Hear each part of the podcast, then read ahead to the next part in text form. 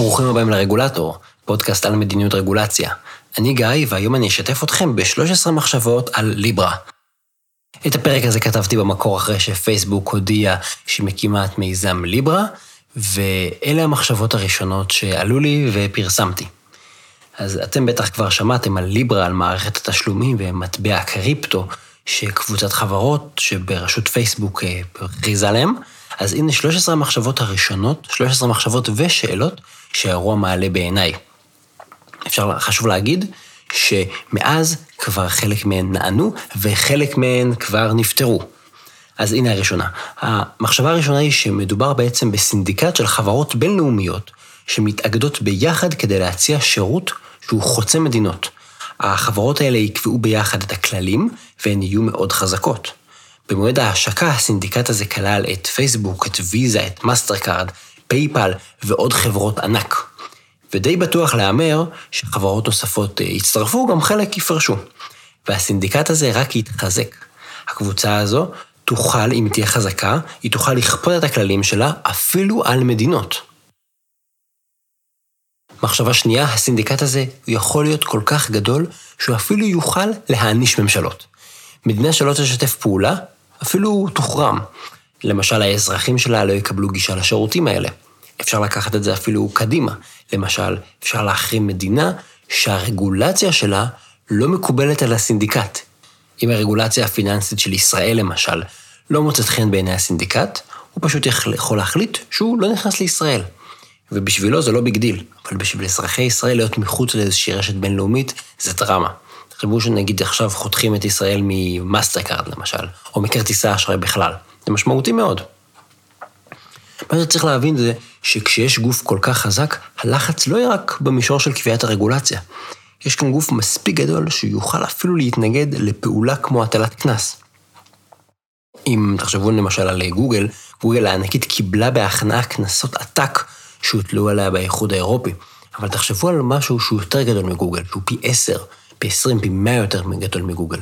יכולים להגיד, לא משלמים לכם את הקנס, מה תעשו? מחשבה שלישית, כנראה שמדינות גדולות יותר יוכלו להתמקח עם סינדיקט כזה, בין אם אנחנו מדברים על הסינדיקט הספציפי הזה, או בין אם אנחנו מדברים על סינדיקטים עתידיים שיכולים להתגבש. מדינות גדולות יוכלו להתמקח איתם, להשיג תנאים יותר טובים, להתעקש על מה שחשוב להם, ומדינות קטנות לא יוכלו. אבל מה יקבע אם מדינה היא גדולה או קטנה? זה בעצם יכול להיות כל מיני פרמטרים. בעיניי זה יהיה שילוב של שני דברים. מצד אחד, גודל הכלכלה, כמה כסף יש שם, ומצד שני, גודל האוכלוסייה, כמה משתמשים. כי בעצם, הרבה מהחברות האלה מרוויחות לא רק לפי כמה כסף נע בהן, אלא גם למשל לפי traffic של פרסום.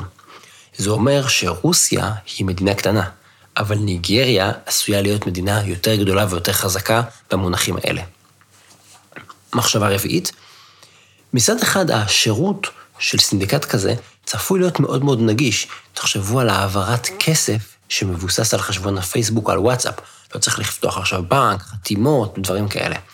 זה יהיה אה, יותר יעיל מאיך שממשלות מתנהלות ומאיך שמוסדות פיננסיים מתנהלים היום. אבל מצד שני, גם ממשלות וגם חברות פרטיות עושות פאשלות. אצל פייסבוק זה למשל פרשת קיימברידג' אנליטיקס, כל הסיפור של אה, פגיעה בפרטיות של משתמשים ועיוות של התודעה של אנשים, אז זה יכול להיות סופר סופר נגיש וסופר סופר מותאם אישית, אבל מותאם אישית זה גם מקור לסיכונים.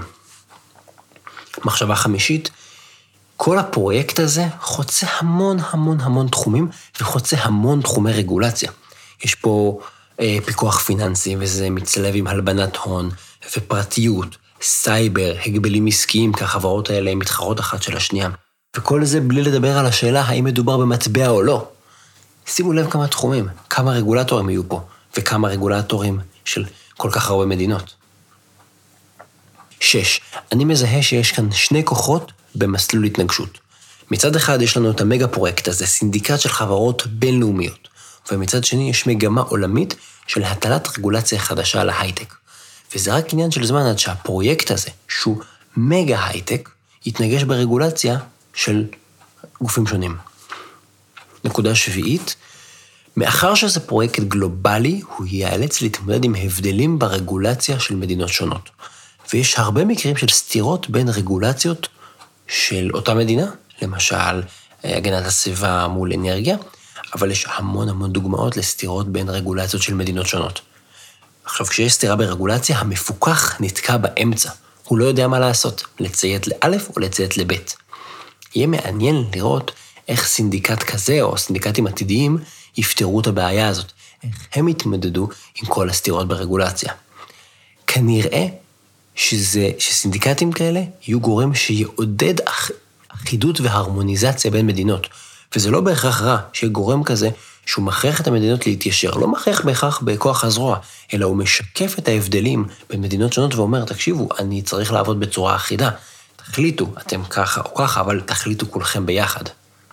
נקודה שמינית, אני בכלל לא בטוח שסינדיקט כזה, הוא לא מהווה הסדר כובל שאסור לפי דיני הגבלים העסקיים.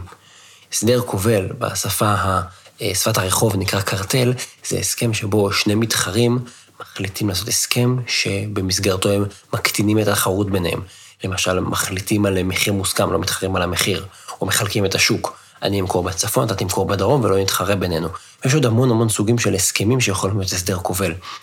כשוויזה ומאסטר קארד ופייפל ופייסבוק, כולן ביחד נכנסות לסינדיקט אחד שבמהותו הוא תשלומים ויצירת מטבע אחד, זה מריח לי מאוד כמו הסדר כובל. אני בטוח שעורכי הדין שלהם חשבו על זה, אני לא יודע בדיוק מה, מה המסקנה שלהם. אולי זה יהיה הפיצוץ הראשון של סינדיקט כזה מול ממשלות, ואגב, גם סינדיקטים עתידיים. אתם מכניסים כל כך הרבה חברות ענק, כנראה שיש ביניהן הצטלבויות וכנראה שהן מתחרות אחת בשנייה, שאלת ההסדרים הכובלים תעלה. נקודה תשיעית, דיני הגבלים עסקיים, אם כבר דיברנו עליהם, באנגלית זה אנטי-טראסט, אה, או קוראים לזה competition law. דיני הגבלים עסקיים התפתחו לפני יותר ממאה שנים, בתקופה לתופעה של טראסטים, אה, התאגדויות כאלה של עסקים מאוד מאוד גדולים, שביחד יצרו אה, קונגלומרטים מאוד גדולים. זה היה ייצור משפטי שאפשר לחברות לפעול בתיאום, ובעצם מה שנוצרו זה קבוצות עסקיות ענקיות בארצות הברית. זה נשמע לכם מוכר? נשמע כאילו אנחנו חוזרים לאותו מצב היום, בעידן האינטרנט. עשר, יש פה בעצם מין קונפדרציה של חברות פרטיות. תחשבו על הסינדיקט הזה רגע לא כביזנס, אלא כ-governance, כממשל ציבורי רגע. בעצם מה שפורסם זה שכל חברה תקבל זכות הצבעה על ההחלטות של הסינדיקט הזה. זה פתאום מתחיל להישמע כמו האו"ם של חברות פרטיות. ואז עולות כל מיני שאלות, האם יהיו חברות עם זכות וטו, כמו שבאו"ם יש לנו את מועצת הביטחון, או האם יהיו אה, חברות שיהיה להן יותר קול או פחות קול באופן יחסי במשקל, האם מדינות יוכלו להצטרף לסינדיקט הזה ולקבל זכות הצבעה בעצמן על החלטות של הסינדיקט? וואלה, הכל פתוח. 11. עדיין לא ברור האם הקבוצה הזו תפעל לפי מנגנון שליטה מרכזי, או שהפעילות שלה תהיה בעיקר מבוזרת. האם יהיה גורם אחד שהוא מוסמך, שיוכל לכפות על כל החברות, למשל, יהיה גורם אחד, פייסבוק תוכל להגיד, אף אחת מהחברות לא עובדת במדינה מסוימת, או שהמודל יהיה מבוזר, זה יהיה הרבה אה, חברות שמתחברות ביחד ולא מישהו אחד שמנהיג את זה. 12. פייסבוק הודיע, עם ההשקה של הפרויקט, שגם המתחרות שלה יוכלו להצטרף. האם גוגל, האם אמזון, האם מייקרוסופט יצטרפו?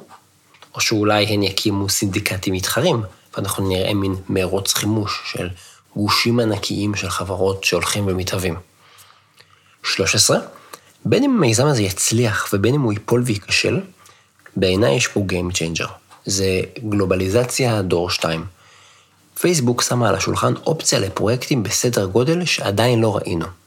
חברות וממשלות לא יוכלו להתעלם מהאפשרות הזאת. ולכן זה לא כל כך משנה אם הסינדיקט הספציפי של פייסבוק יצליח או לא. שאלה מעניינת אם אנחנו הולכים לראות פה מגמה חדשה של חברות שמתאחדות ביחד כדי לבנות מין קבוצות עסקיות ענקיות. זהו. תודה שהאזנתם לעוד פרק של הרגולטור. אני מאוד מאוד שמח שאתם עוקבים אחריי. מוזמנים לעקוב אחריי גם בבלוג וגם בפייסבוק. בבלוג יש לינקים למקורות ולפוסטים בנושא. בפייסבוק יש לנו דיונים, שאלות, תשובות, מאוד מאוד מעניין. מומלץ לעקוב אחרי גם באפליקציות השונות, ובבקשה, דרגו אותי באפל פודקאסט. זה מאוד מאוד חשוב, זה מגדיל את החשיפה. אם תוכלו להמליץ עליי לחבר, לחברה, זה יהיה נהדר. תודה רבה ליותם רוזנטל על עריכת הסאונד. התכנים משקפים את דעותיי בלבד.